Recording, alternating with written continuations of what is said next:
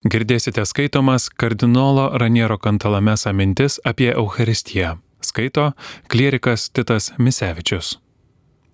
Kardinolas Raniero Kantalamesa, pranciškonų vienuolis.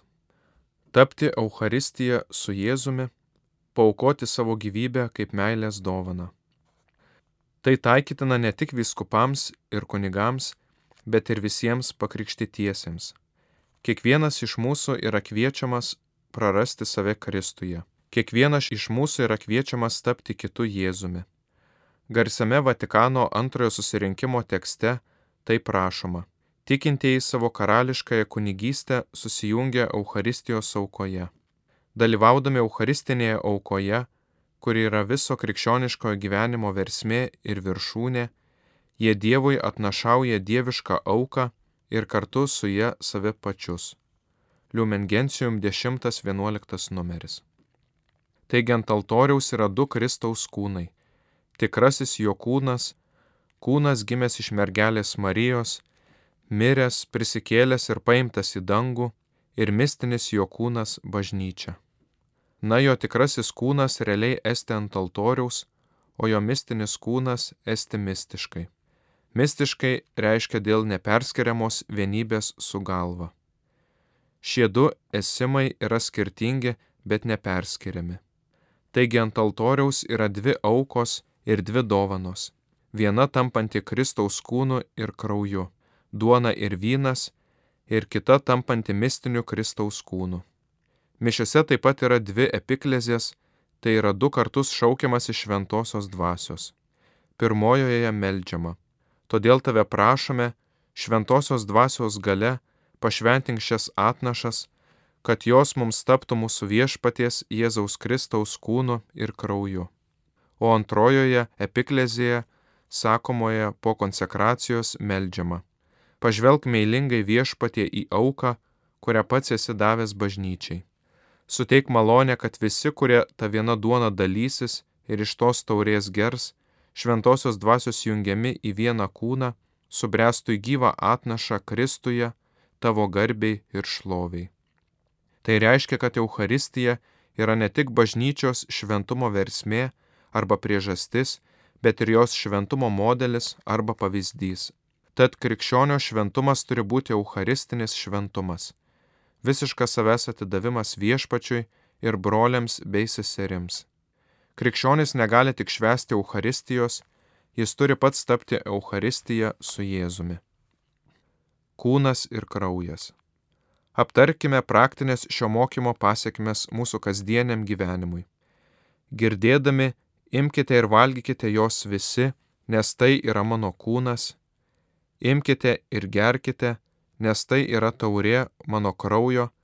Turime žinoti, kas tas kūnas ir kraujas. Turime žinoti, ką Jėzus duoda, ką jis aukoja ir ko prašo iš mūsų. Žodžiu kūnas Biblijoje neįvardyjamas tiesiog kūnas, siela ar dvasia, tai yra vienas iš sandų, sudarančių žmogiškosios būtybės visumą.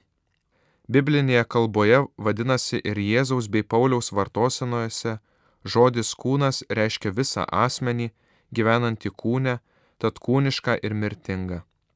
Taigi žodis kūnas nusako gyvenimo visumą. Įsteigdamas Eucharistiją Jėzus mums paliko kaip dovana visą savo gyvenimą, nuo pat įsikūnymo iki paskutinės akimirkos, draugė su viskuo, kas sudarė jo gyvenimą. Su tyla, prakaitu, vargais, malda, kova ir pažeminimais. Toliau Jėzus sako, tai yra mano kraujas. Ką jis prideda šiuo žodžiu, jeigu atiduodamas savo kūnais mums jau atidavė visą savo gyvenimą? Prideda mirtį Atidavęs savo gyvenimą, Jėzus mums atiduoda ir brangiausią jo dalį - mirtį. Iš tikrųjų, žodis kraujas Biblijoje reiškia ne žmogaus kūno dalį, bet įvykį - mirtį. Anais laikais kraujas laikytas gyvybės buveinė, o jo išleimas mirties ženklu. Taigi Euharistija yra viešpaties kūno ir kraujo, tai yra viešpaties gyvenimo ir mirties lėpinys. O ką aukojame mes mišiose kartu su Jėzumi atnašaudami savo kūną ir kraują? Tai, ką aukojo Jėzus - gyvenimą ir mirtį. Žodžiu kūnas aukojame visas konkrečias mūsų gyvenimo šiame pasaulyje duotybės - laiką, sveikatą, energiją, įgūdžius, meilę, gal tiesiog šypseną. Žodžiu, kraujas mes aukojame savo mirtį. Nebūtinai galutinę mirtį, kankinystę už Kristų ar brolius. Mes aukojame visą, kas yra mumise dabar, visą, kas mus ruošia mirčiai ir yra jos provaizdžiai mumise. Pažeminimas, nesėkmės, prikaustančias ligas, dėl amžiaus ir sveikatos atsiradusi neįgalumą ir apribojimą, visa, kas mums trumpai tariant numarina. Viso gyvenimo aukojimas. Tačiau reikia vos tik išėjus iš mišių pasistengti suvokti, ką pasakėme. Reikia iš tiesų dėti pastangas, nepaisant savo ribotumų, aukoti broliams ir seserims savo kūną, tai yra laiką, energiją, dėmesį, žodžius savo gyvenimą. Todėl privalu išgirdus imkite, valgykite, iš tiesų leistis būti valgomam ir leistis valgomam pirmiausia tų, kurie valgo ne taip subtiliai ir maloniai, kaip mes tikimės. Šventasis Ignotas Antiochietis, vykdamas į Romą ten numirti, kankinio mirtimi rašė. Aš esu Kristaus kviečiai, tegu mane sumala žvėrių dantys, kad tapčiau tyra duona viešpačiui.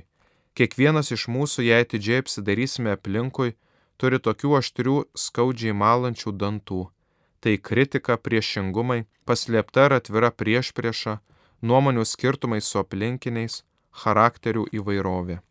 Pabandykime įsivaizduoti, kas būtų, jei miše švesdami konsekracijos akimirką iš tiesų visi, vieni garsiai, kiti tyliai pagal savo tarnystę ištartume - imkite, valgykite. Parapijos kunigas šitaip švenčia mišes, o paskui eina, meldžiasi, pamokslauja, klauso iš pažinčių, priima žmonės, lanko ligonius. Klauso, moko. Jo diena taip pat yra Euharistija. Didis prancūzų dvasinis mokytojas Pieras Olivier sakydavo, per mišes ryte aš esu kunigas, o Jėzus auka. Visą dieną Jėzus yra kunigas, o aš auka. Nesvarbu, ar esame dvasininkai, tai galioja visiems pakrikštytiesiems, visų mūsų dienos gali būti Euharistija mūsų parašas ant dovanos. Tai, kas vyksta ant altoriaus švenčiant Euharistiją, apibendrinsiu tokiu žmogišku pavyzdžiu. Įsivaizduokime didelę šeimą turinčią sūnų, pirmagimį, be galo mylintį savo tėvą, besižavinti juo. Tėvo gimtadienio proga sūnus nori jam įteikti brangę dovaną. Prieš ją padovanodamas jis slapta paprašo brolių ir seserų pasirašyti ant jos. Taigi nors jis vienas sumokėjo šią labai brangę dovaną tėvui, bet įteiks ją kaip visų vaikų meilės ženklą. Kaip tik tai vyksta per Euharistijos auką. Jėzus be galo, be krašto myli savo dangišką į tėvą. Nori jam kasdien iki pat pasaulio pabaigos įteikti pačią brangiausią, kokią tik įmanoma dovaną - savo gyvybę.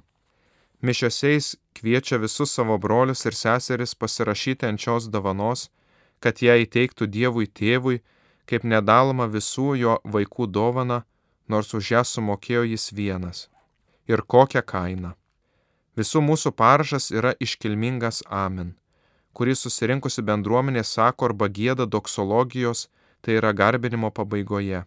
Per jį su juo ir jame, tau visą gali Dieve tėve, su šventaja dvasia, visa garbė ir šlovė per amžius. Amen. Žinome, kad pasirašiusieji įsipareigoja laikytis to, ką pasirašė, tai yra gerbti savo parašą. Tai reiškia, kad išėję po mišių ir mes turime padaryti savo gyvenimą meilės dovana tėvui ir savo brolių bei seserų labui. Kartoju, mes esame kviečiami ne tik švęsti Euharistiją, bet ir patys tapti Euharistiją. Te padeda mums Dievas. Susivienyti su Kristumi ir jo bažnyčia šventoji komunija mus padaro vienu kūnu.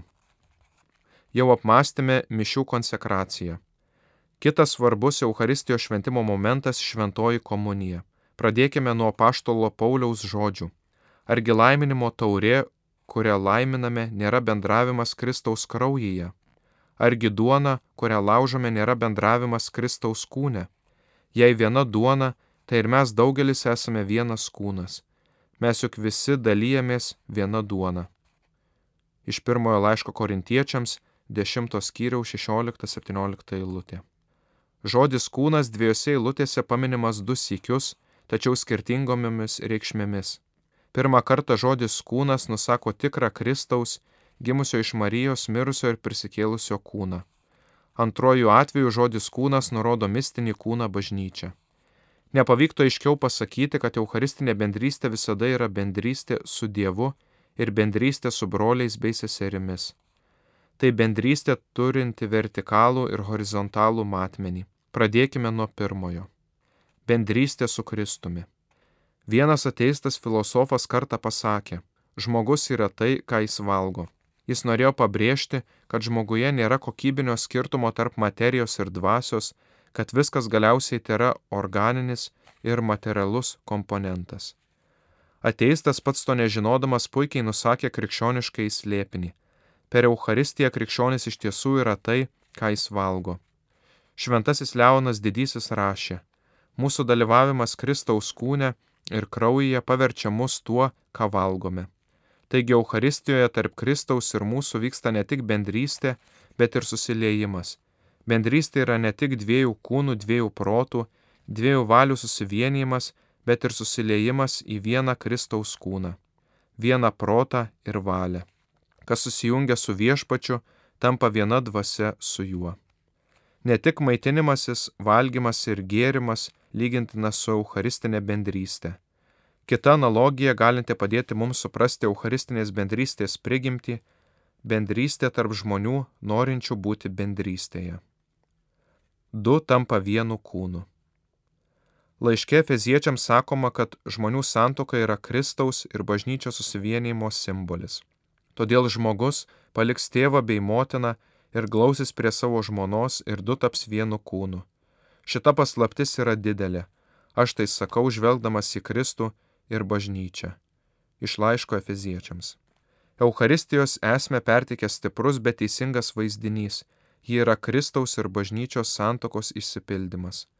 Pasak Pauliaus, tiesioginė santokos pasiekmė - vyro kūnas, taigi visas asmuo tampa žmonos ir atvirkščiai žmonos kūnas tampa vyro. Tai reiškia, kad nesuteptas ir gyvybę teikiantis įsikūnijusio žodžio kūnas tampa mano, bet ir mano kūnas mano žmogystė tampa Kristaus kūnu, tampa jo nuosavybė. Euharistijoje mes priimame Kristaus kūną ir kraują, o Kristus priima mūsų kūną ir kraują. Mūsų žmogystė tampa Kristaus žmogystė. Pamėginkime suvokti viso to padarinius. Žemiškajame gyvenime Jėzus neįgavo visos įmanomos ir įsivaizduojamos žmogiškosios patirties. Jis buvo vyras, o ne moteris, taigi nepatyrė, ką reiškia būti moterimi. Jis buvo nevedęs, tad nepatyrė, ką reiškia būti susivienijus savo gyvenimą su kitu kūriniu, ką reiškia turėti vaikų ar juos prarasti. Jis mirė jaunas, tad nepažino senatvės vargų. Tačiau dabar per Eucharistiją jis yra įgavęs visus tuos patyrimus. Mūsų gyvenime nėra nieko, kas nepriklausytų Kristui. Tai, ko Kristus negalėjo išgyventi kūne, jis dabar tai išgyvena ir patiria dvasioje dėl santokinės mišių bendrystės. Kokią didžiulę nuostabą kelia ir kokią paguodą teikia tai, kad mūsų žmogystė tampa Kristaus žmogystė. O taip pat kokia atsakomybė mums tenka. Jei mano akis tapo Kristaus akimis, mano lūpos Kristaus lūpomis, privalau neleisti savo žvilgsniui sustoti prie gašlių vaizdų, liežuviui kalbėti prieš artimą, kūnui tarnauti kaip nuodėmės įrankiui. Argi nežinote, kad jūsų kūnai yra Kristaus nariai? Tad nejaugi aš ėmęs Kristaus narius, paversiu juos kekšės nariais. Nieku būdu. Iš pirmojo laiško korintiečiams. Ir vis dėlto tai dar ne viskas. Trūksta gražiausios dalies. Nuotakos kūnas priklauso jaunikiui, o jaunikio kūnas savo ruoštų priklauso nuotakai. Nuo dovanojimosi komunijos metu iš karto pereiname prie prieimimo priimame ne ką kitą, o Kristaus šventumą. Kada tikinčiojo gyvenime iš tikrųjų vyktų tie nuostabūs mainai, apie kuriuos kalba liturgija, jei ne komunijos akimirka. Tai proga atiduoti Jėzui savo purvinus skudurus ir gauti iš jo teisumo drabužį. Iš tiesų parašyta, kad esame Kristuje Jėzuje, kuris Dievo valia mums tapo išmintimi, teisumu, pašventimu ir atpirkimu. Palyginimui pirmas laiškas korintiečiams, pirmas skyrius 30 eilutė. Mums te reikia atsiminti tik vieną. Mes priklausome Kristui teisėtai, jis priklauso mums iš malonės. Tai atradimas galintis suteikti sparnus mūsų dvasiniam gyvenimui. Tai drasus tikėjimo šuolis ir turėtume melstį Dievą, kad neleistų mums numirti, kol jo nepasiekėme. Tarpusavio bendrystė. Iš šių svaiginančių aukštumų grįžkime į žemę ir pereikime prie antrojo Eucharistinės bendrystės matmens - bendrystės su Kristaus kūnu, kuris yra bažnyčia. Prisiminkime apaštalo žodžius. Jei viena duona, tai ir mes daugelis esame vienas kūnas. Mes juk visi dalyjamės viena duona. Iš pirmojo laiško korintiečiams. Šventasis Augustinas išvelgia abiejų Kristaus kūnų Eucharistinio ir bažnytinio formavimosi panašumų. Eucharistijos atveju pirmiausia turime ant kalvų išbarstytus kviečius, kurie surinkti, sumalti, išsijoti, užmaišyti vandenyje ir iškepti ant ugnies tampa duona pasiekiančią altorių. Bažnyčios atveju turime daugybę žmonių surinktų Evangelijos skelbimu, su maltų pasninku ir atgaila, užmaišytų krikšto vandenyje ir iškeptų dvasios ugnyje. Jie sudaro kūną, kuris yra bažnyčia. Kristaus žodis išsik ateina mūsų pasitikti. Jei neši dovana prie aukuro ir ten prisimeni, jog tavo brolis turi šitą prieš tave, palik savo atnašą tenai prie aukuro, eik pirmiau susitaikinti su broliu ir tik tada sugrįžęs aukok savo dovaną. Iš Mato Evangelijos penktos skyriaus. Jei eini priimti komunijos, bet esi įžeidęs brolį ir nesusitaikęs, turi nuoskaudų, esi panašus į žmogų, taip aiškino žmonėms Augustinas, kuris regi atvykstantį daug metų nematytą draugą, bėga jo pasitikti, pasistiebęs pabučiuoja jį į kaktą, bet nepastebi, kad jo kojos prikaltos prie batų. Broliai ir seserys. Tai Jėzaus, kuris vis dar vaikšto po žemę pėdos. Bendrystė su vargšais. Tai ypač pasakytina apie vargšus, kenčiančius, atstumtuosius. Tas, kuris apie duoną sakė, tai yra mano kūnas, tai pasakė ir apie vargšus. Vardydamas darbus alkanam, ištroškusiam, kaliniui ir nuogam jis iškilmingai pareiškė, jūs man tai padarėte. Jis tarytum sako, aš buvau išalkęs, buvau ištroškęs, buvau keleivis, ligonis, kalinys. Prisimenu akimirką, kai ši tiesa manyje beveik sprogo. Kartą buvau misijoje labai skurdžioje šalyje. Eidamas sostinės gatvėmis, visur mačiau vaikus apsirengusius purvinais skarmalais, bėgančius paskui šiukšliavežius, ieškančius kokiu nors valgomų atliekų. Vieną akimirką Jėzus tarsi pasakė man, atidžiai įsižiūrėk, tai mano kūnas, užgneužė kvapą. Nėra ne vieno, kuris savo noru per savaitę neįstengtų padaryti bent vieno iš tų darbų, apie kuriuos Jėzus sako, jūs tai padarėte man. Dalytis nebūtinai reiškia tiesiog ką nors duoti. Dalytis tai yra aplankyti kalinį, ligonį, vienišą pagyvenusi žmogų. Tai ne tik pinigų, bet ir savo laiko davimas. Vargšams ir kenčiantiems reikia solidarumo ir meilės nemažiau nei duonos ir drabužių. Jėzus sakė, vargšai jūs visuomet turite su savimi, o mane ne visuomet. Ne visada galime priimti Kristaus kūną Euharistijoje, o vargšuose visada. Čia nėra jokių ribų, tik reikia mums to norėti. Visada šalia turime vargšų. Baigdamas norėčiau papasakoti trumpą kažkur perskaitytą istoriją. Vyras pamato išbadėjusią basą ir drebančią iš šalčio mergaitę. Priekaištaudamas kreipiasi į Dievą.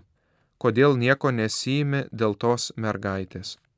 Dievas atsako, žinoma, kad įmuosi jai pagelbėti, juk aš tave sukūriau. Euharistija - slėpinys, kuriuo turime sekti. Jėzus kviečia tarnauti vieni kitiems. Kodėl paskutinės vakarienės pasakojime Jonas kalba ne apie Euharistijos įsteigimą, o apie kojų plovimą? Juk prieš tai jis skyrė visą Evangelijos skyrių papasakoti, kaip mokiniai buvo parengti valgyti Jėzaus kūną ir gerti jo kraują. Pagrindinė priežastis štai kokia. Visa kuo, kas susijęs su Velykomis ir Euharistija, Jonas nori labiau pabrėžti įvykį nei sakramentą. Tai yra labiau prasmeniai ženklą. Jonui naujoji Velykų diena prasideda veikiau ne aukštutinėme kambaryje, o ant kryžiaus. Būtent tą akimirką įvyksta perėjimas nuo senosios paschos prie naujosios. Kojų plovimo prasme. Svarbu perprasti, kokią reikšmę kojų plovimui teikia Jonas. Jėzus sako, aš jums daviau pavyzdį, kad ir jūs darytumėte, kaip aš jums dariau. Kokį pavyzdį jis mums davė? Ar kad mes broliams nemasgotume kojas prieš sėsdamiesi valgyti? Žinoma, ne. Atsakymas slypia Evangelijoje. Kas panorėtų būti pirmas tarp jūsų, te bus visų vergas. Juk ir žmogaus sunus atėjo ne kad jam tarnautų, bet pats tarnauti ir savo gyvybės atiduoti kaip išpirkos už daugelį. Evangelijoje pagal Luką paskutinės vakarienės aprašyme minimi Jėzaus žodžiai regis ištarti baigiant plauti mokinių kojas. Katras yra vyresnis, kuris sėdi už stalo ar kuris jam patarnauja. Argi ne tas, kuris sėdi, o aš tarp jūsų esu kaip tas, kuris patarnauja. Pasak evangelisto, Jėzus pasakė šiuos žodžius, mat tarp mokinių kilo ginčas, kuris iš jų laikytinas didžiausiu. Veikiausiai kaip tik šiuo aplinkybių paskatintas, Jėzus pakilo numasgoti mokiniams kojų taip ketindamas savo veiksmais parodyti vaizdų palyginimą. Kol mokiniai karštai ginčijosi tarpusavyje, jis tylomis pakilo, pasiemė indą vandens, šluostė ir sugrįžęs priklaupė priešais Petrą, kad numasgotų šiam kojas. Suprantama, Petras labai nustebo, netgi sumišo. Viešpatie, nejau tu mazgosi man kojas. Mazgodamas kojas Jėzus norėjo apibendrinti visą savo gyvenimą ir palikti tarsi įspaudą mokinių atmintyje. Tu dabar nesupranti, ką aš darau, bet vėliau suprasi. Šis gestas mums sako, kad visas Jėzaus gyvenimas nuo pradžios iki pabaigos buvo kojų mazgojimas, tai yra tarnavimas žmonėms. Jėzus mums davė gyvenimo, nugyvento dėl kitų pavyzdį. Jis parodė, ką reiškia gyvenimas tapęs duona, sulaužyta dėl pasaulio. Žodžiais aš jums daviau pavyzdį, kad ir jūs darytumėte, kaip aš jums dariau, Jėzus įsteigė diekoniją, tai yra tarnystę, ir iškelia ją iki pamatinio įstatymo lygmens. Tiksliau sakant, iki gyvensenos ir visų santykių bažnyčioje modelio. Jis apie kojų plovimą tarsi sako tą patį, ką sakė apie Euharistiją. Tai darykite mano atminimui. Tarnystės dvasia. Šiandien daug kalbama apie tarnystę. Kiekvienas žmogus tarnauja sakome, kad parduotuvės savininkas aptarnauja savo klientus, apskritai tarnauja kiekvienas dirbantysis.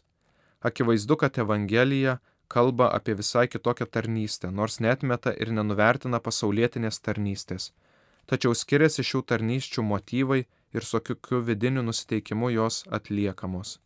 Dar kartą perskaitykime kojų plovimo prašymą, kad pamatytume, su kokia dvasia Jėzus mazgojo mokinių kojas ir kas paskatino jį tai daryti. Jėzus žinodamas, jog atėjo valanda jam iš šio pasaulio keliauti pas tėvą ir mylėdamas savosius pasaulyje, parodė jiems savo meilę iki galo. Tarnystė nėra dorybė, ji pati kyla iš dorybės, ypač iš meilės. Iš tikrųjų yra pati didžiausia naujo įsakymo apraiška. Tarnystė yra agapė, pasireiškimas meilės, kuri neieško savo naudos, bet žiūri kitų labo apraiška. Ji neieško savęs ar savo, bet duoda. Ji yra dalyvavimas Dievo veikloje ir sėkimas ją, o Dievas te gali mylėti ir laisvai bei nesavanaudiškai padėti mums, nes Jis yra geras, vien geras ir pats didžiausias gerumas. Tarnystė yra ir kito dieviškosios agapė aspekto nuolankumo apraiška. Jėzaus pasakyti žodžiai, jūs turite vieni kitiems kojas mazgoti, reiškia, jūs turite vieni kitiems tarnauti su nuolankia meile. Meilė ir nuolankumas sudaro evangelinę tarnystę. Jėzus sakė, mokykitės iš manęs, nes aš romus ir nuolankios širdies. Ką Jėzus padarė, kad galėtų save vadinti nuolankiu? Galbūt jis apie save prastai galvojo arba save visai peikia. Ne, jis elgėsi visiškai priešingai. Plaudamas kojas jis pasiskelbė esas mokytojas ir viešpats. Tad kodėl Jėzus save vadino nuolankiu? Jis nusižemino, nužengdamas iš dangaus tarnauti.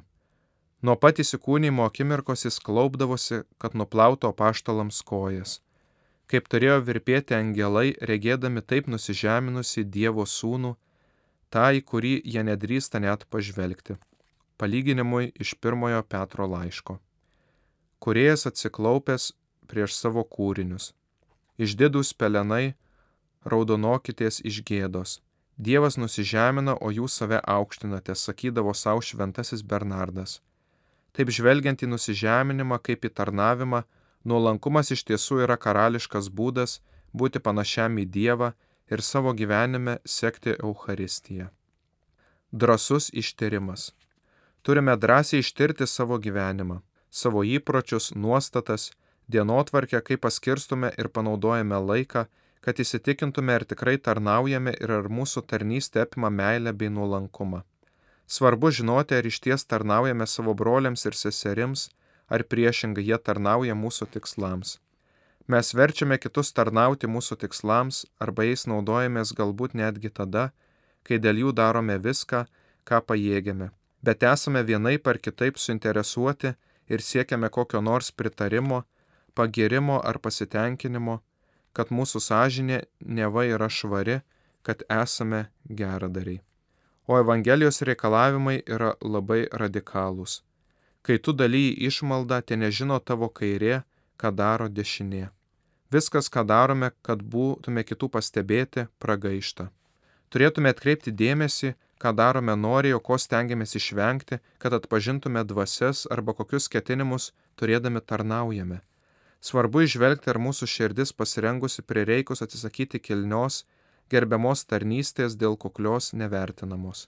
Pati tikroji tarnystė būna paslėpta nuo visų akių, įskyrus tėvo, reginčio mūsų širdies slaptoje akis. Tarnavimo dvasios priešingybė yra noras dominuoti, įprotis primesti savo valią, požiūrį ir elgseną. Dažnai žmogus net nesuvokia, kokią kančią sukelia ir beveik stebisi, kad taip menkai vertinamas jo rūpestis ir pastangos. Jis netgi laiko save auka. Ta žmogus galbūt esame mes. Jei kyla bent menkiausių abejonių, turėtume nuoširdžiai pasitarti su tais, su kuriais gyvename. Leiskime jiems atvirai išsakyti, ką galvoja. Jei paaiškėtų, kad mūsų elgesys kam nors apsunkina gyvenimą, turėtume nuolankiai tai priimti ir apmastyti savo tarnystę. Kitaip tariant, pernelyg didelis prisirišimas prie savo įpročių ir patogumų irgi prieštarauja tarnystės dvasiai stokojama laisvumo. Neįmanoma rimtai tarnauti kitiems, jei nuolat siekiame patikti savo, iš polisio laisvalaikio dienotvarkės pasidarydami stabą. Tarnystės taisyklė visada ta pati - Kristus nepataikavo savo. Kartais geriausia tarnystė yra ne pačiam tarnauti, bet sutikti būti aptarnaujamam, kaip Jėzus, kuris numanė, kad dera sėsti prie stalo ir leisti, kad jam nuplautų kojas. Be to jis noriai primdavo dosnių ir mylinčių moterų, jam į kelionę įdedamas maisto atsargas. Sekant Euharistiją. Euharistijos liepinys yra ne tik švenčiamas, priimamas ir garbinamas, bet ir sektinas. Baigdami prisiminkime tiesą, kurią pabrėžime visuose Euharistijos apmąstymuose - šventosios dvasios veikimą. Žiūrėkime, kad dovanos nesumenkintume iki pareigos. Mes gavome ne tik įsakymą mazgoti kojas ir tarnauti savo broliams bei seserims, bet ir malonę visą tai daryti su meile. Tarnystė yra charizma ir kaip ir visos charizmos dvasios apraiška duota kitų labui. Taip moko paštalas Paulius. Apaštalas Petras papildo. Patarnaukite vieni kitiems, kaip geri daugeriopos Dievo malonės šeimininkai, sulyg kiekvieno gautąją malonę charizmą. Iš pirmojo Petro laiško ketvirtos skyriaus dešimta eilutė. Dovana yra pirmesnė už pareigą ir leidžia ją įvykdyti. Tokia yra geroji naujiena - Evangelija, o kasdienis, guodžiantis jos priminimas yra Euharistija. Girdėjote skaitomas kardinolo Raniero kantalamesa mintis apie Euharistiją. Skaitė klierikas Titas Misevičius.